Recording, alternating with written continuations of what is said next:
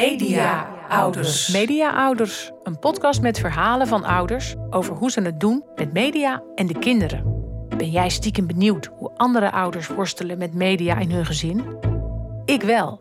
Ik ben Marije Schuurman, moeder van twee al wat grotere kinderen. Oortjes uit die de hele dag met oortjes inlopen. Of moet ik daar niet over zeuren? Om te horen hoe andere ouders dat doen, ga ik langs bij twee gezinnen in Rotterdam en Deventer, waarvan je de ouders misschien wel kent van de media. Anna van den Bremer, columniste bij de Volkskrant. Ze schreef het boek Alle ouders klungelen maar wat aan. En dat het echt wel heel lekker is om ze even achter eh, een filmpje te zetten. Anna heeft twee kleuters, Mia en Baran. Samen met schrijver en presentator Ustjan Akiol. Wat ze vooral moeten kunnen is niet de techniek beheersen, maar wat ze vooral moeten kunnen is zichzelf beheersen. Het andere gezin in deze podcast bestaat uit auteur en columniste Daan Rot de Launay.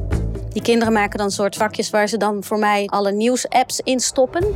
Haar vier kinderen, Elvis van 19, Rover van 17, Wolf van 13 en Maatje Piet van 10. Wij gaan lekker trouwen en we blijven altijd bij elkaar. Vader en echtgenoot Jan Rot was artiest en hertaler. Wachten op de ooievaar. Hij overleed niet lang na de opname. Maar wij, de makers en zijn gezin, willen juist wel zijn verhalen laten horen. En ook gebruiken we Jans muziek.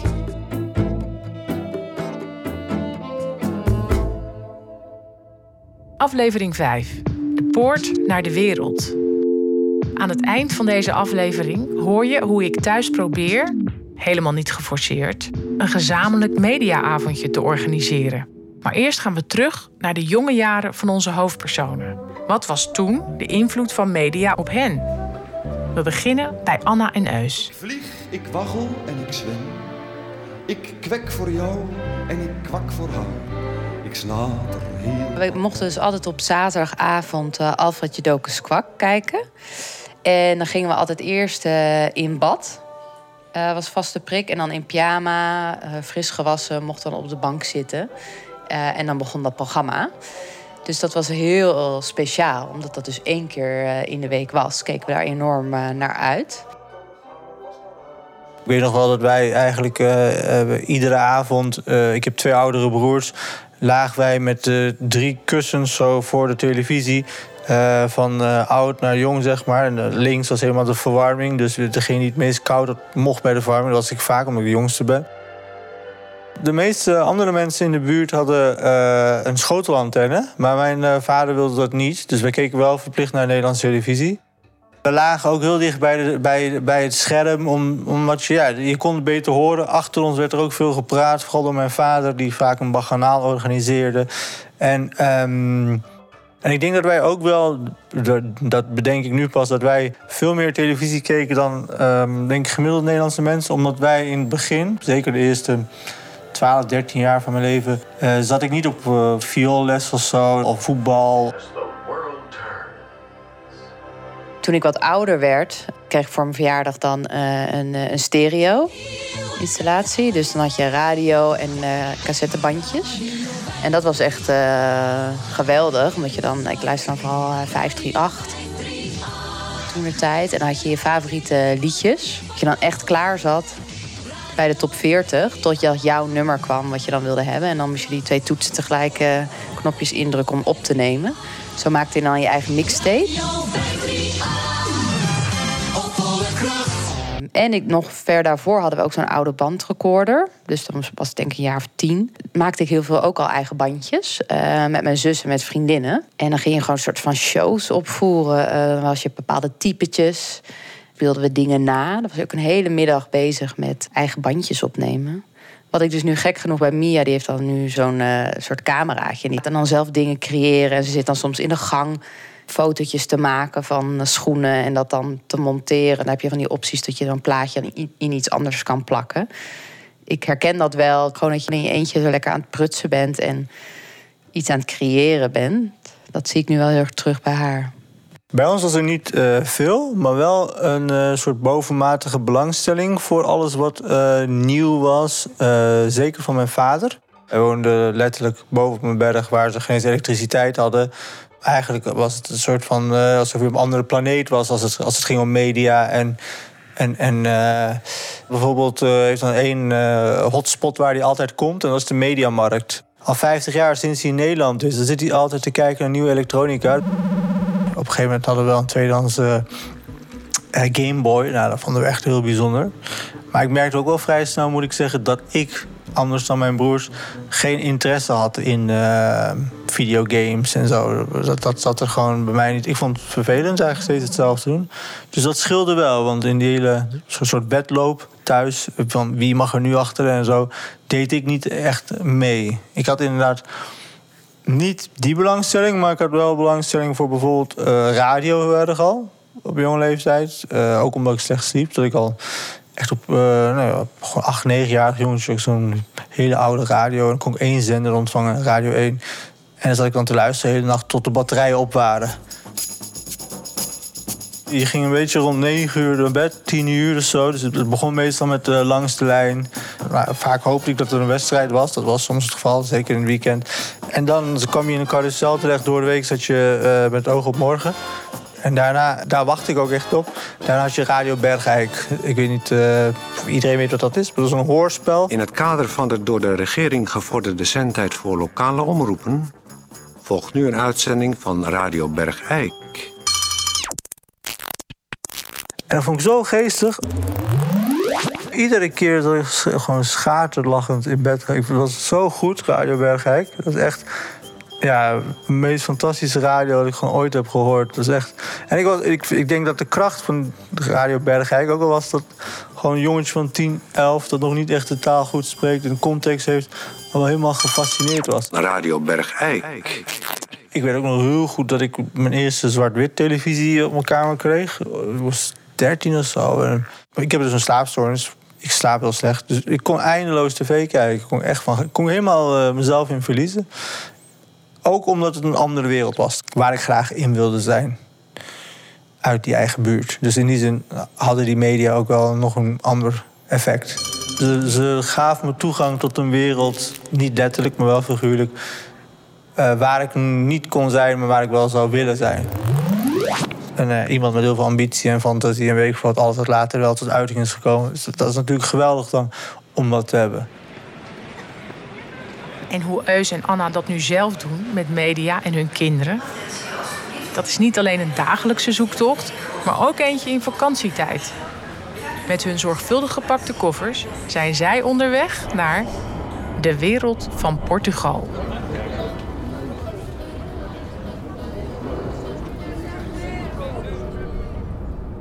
In de auto naar een optreden van Jan Rot in Oude Wetering denk ik verder na over de poorten naar de wereld voor Eus. En wat blijkt tijdens de show van Jan? Ook voor hem opende een radio de weg naar een nieuw soort bestaan. Jan woonde als kind in de jaren 60 in Indonesië, waar zijn vader zendingsarts was. Zijn oudere zussen en broer zaten in Nederland op de middelbare school en ze stuurden dan af en toe een brief naar hun kleine broertje. En mijn, mijn grote broer die schreef over uh, beatmuziek, dat het zo leuk was. Toen wij met verlof gingen in 1967, toen duwde hij een, een transistorradio tegen mijn oren en zei: Dit is nou beatmuziek. En ik was meteen verkocht. Jezus, vond ik dit goed. En toen had je zo dat plaatje van de Veronica Top 40 en ik had zijn transistortje geleend. Het heb ik al die titels uit mijn hoofd geleerd en binnen een week was ik gewoon een kleine popprofessor. Op een gegeven moment liep ik met dat transistorradiootje, liep ik, rende meer langs het strand van Zandvoort, daar woonden wij dat verlof. En ik zong mee met de Golden Earring. Oh, listen, listen, oh, listen. It's the sound of a screaming day. En ineens bedacht ik, ooit loopt er een jongetje, net als ik, over het strand. En die zingt mee met mijn lied, mijn vers. En ik zag daar een omgekeerde boot. En ik ging er zo'n beetje half op zitten. Poserend als een popster. Want ik wist, later word ik zanger. Negen jaar, ik wist het al. Nou, ik ben het geworden ook.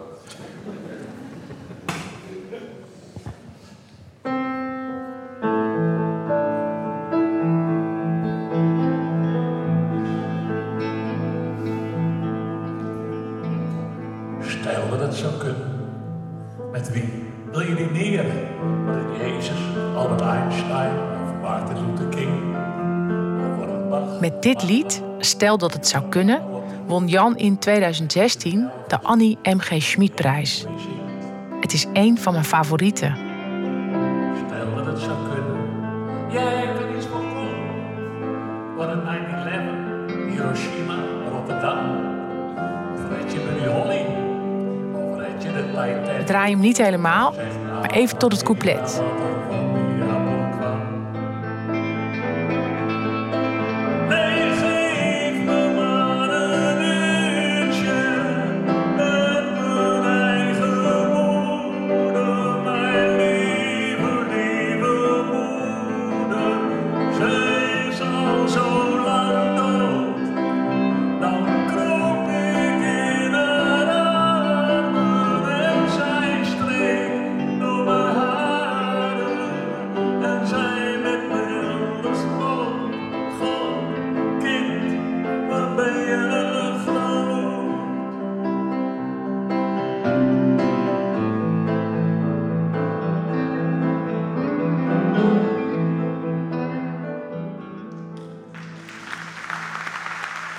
Als, als ik, eh, eh, Wolf, die ogenblik met zijn gitaar rondloopt de hele dag.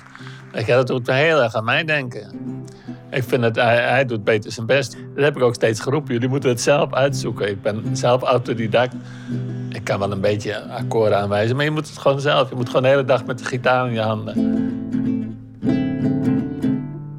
Ja, dat gaat nu wel veel makkelijker. Ja. En met YouTube en Dat internet, wat dat qua kennis. Met, met pop, popplaatjes uit de jaren 60 ook. Hij weet het allemaal al precies. En welk liedje is dit? Space Odyssey van eh, Oh, David ja. Bowie. Dan zing je ook erbij? Ja, alleen in mijn kamer. Alleen, ja, oké. maar ik kan wel proberen om eh, uit mijn hoofd met de akkoorden. En dan soms gebruik ik Safari om eh het blad muziek op te zoeken. En dan als ik ja, met Spotify ga ik dan proberen mee te spelen. Zet ik zo het muziekje aan.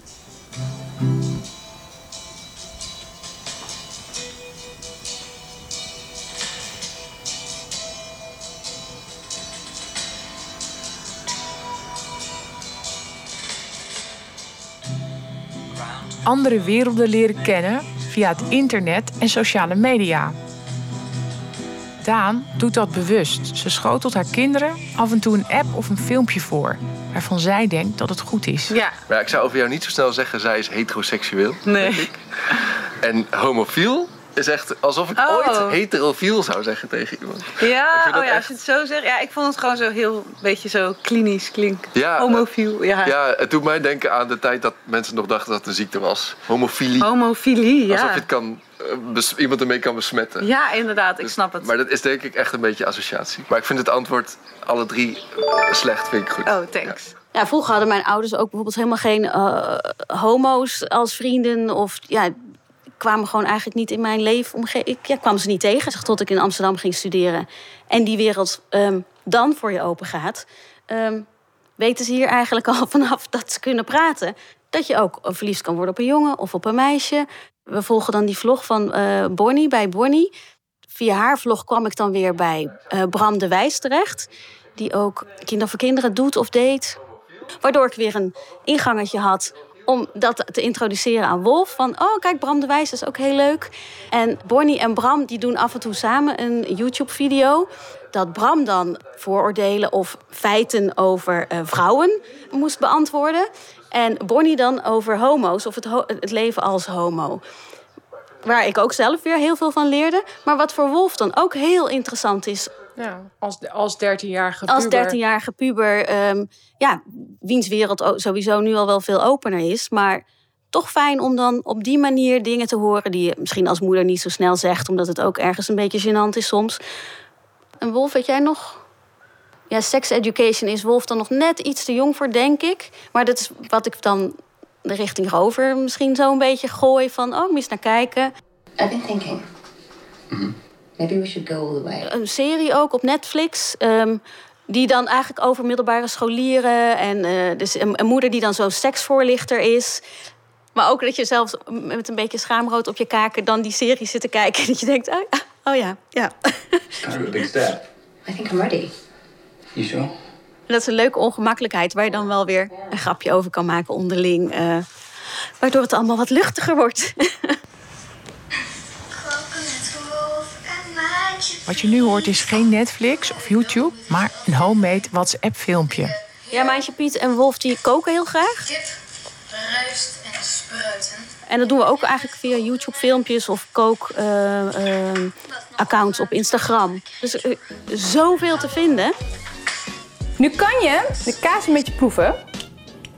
En als het al zout genoeg is, dan hoef je er geen zout bij te doen. Als je denkt van, ah, snuffy snuffy, kan het er nog bij. Dan ben ik weg en dan koken zij voor Jan. Turks-Nederlands Jamie Oliver, Carso's Kitchen. Oké, maar nu even door met dit, eh, dit gerecht. Dat lijkt me nou ook zo gezellig. Samen filmpjes maken en kijken.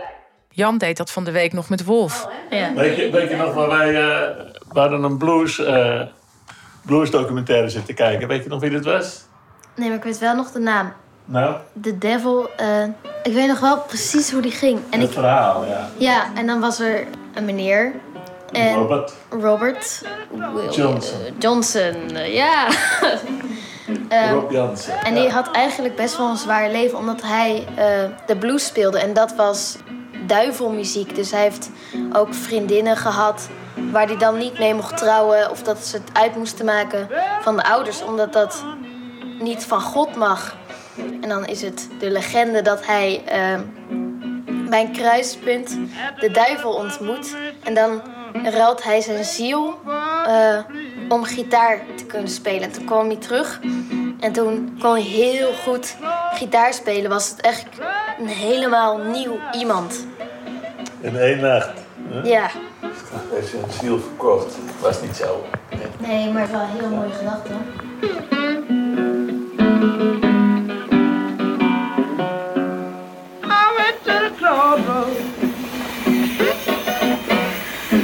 Onderweg naar huis neem ik me voor om niet moeilijk te gaan doen over oortjes, maar mijn gezin te verleiden tot iets sociaals.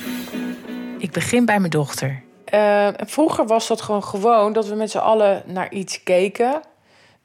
Nou, dus ik, ik wil dat eigenlijk ja, organiseren. En ben ik dan de enige die dat wil, denk je? Of wil jij dat Nou, ook? het is, wel, Of- het is wel gezellig of zo, want dat deden we vroeger heel vaak. Alleen, eh, ja, we gaan niet meer eh Pippi kijken, zeg maar. We zijn natuurlijk allemaal wat ouder geworden. Jullie met name. Ja, wij ook. Ja, vooral wij zijn ouder geworden. Ja. Jullie niet zo erg. Maar, maar en, en komt iedereen bijvoorbeeld met, een, eh, met één ding of zo? Met één film of één... Ja, dat kan.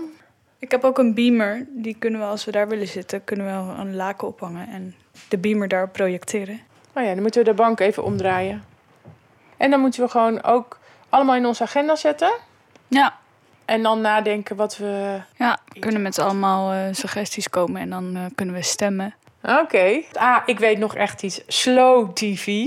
En dan zie je bijvoorbeeld 14 uur lang een film van een trein die van Zuid-Noorwegen naar Noord-Noorwegen gaat. Oh ja, dat is ook leuk. En dat is best wel populair in Noorwegen. Echt?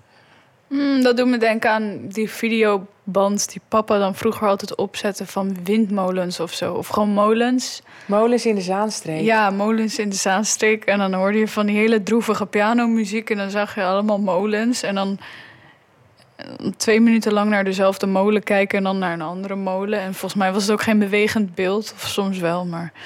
Ik heb gisteren met papa gekeken, maar hierboven staat. Oeps. Boven. Dat is toch de, de videorecorder?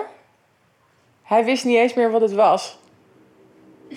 Dat is Ja, het- dat lijkt er wel. Da- daar kan molens in de Zaanstreek in. Ja. Nou, kan dat dan ook op de projector? Of dat kan dan niet? Eh, dat zou ik niet weten. Zou ik even moeten kijken wat voor snoer erin kan. Wat voor kabel. Gaan we kijken. Ja. Dit was de laatste aflevering van Media Ouders. Waarschijnlijk heb je de rest al gehoord, maar als dat niet zo is, dan kun je je alsnog abonneren via je podcast-app. We vinden het leuk als je een review geeft, want dan kunnen nieuwe luisteraars ons beter vinden. Deze podcast is gemaakt door mij, Marije Schuurman-Hes, van Radiomakers de Smet. Dat deed ik niet alleen, maar met een heel podcastteam. Met daarin medewerkers van de openbare bibliotheken van Noord- en Zuid-Holland en van ProBiblio. Zij dachten mee van concept tot montage. Ik kreeg advies van podcastmakers Chris Baayema, Maaike van Pelt en Saar Slegers. Eindredactie was in handen van Stef Visjager en Katinka Beer. De meeste muziek was van Jan Rot en Studio Kickvis. En Joris van Damme is de man achter het sounddesign en de eindmix. Tijdens de eindmontage werd hij vader van Josse. Tot slot speciale dank aan Anna, Eus, Mia, Baran, Jan, Daan, Elvis, Rover, Wolf, Maatje Piet, Rick van het Repair Café en Bo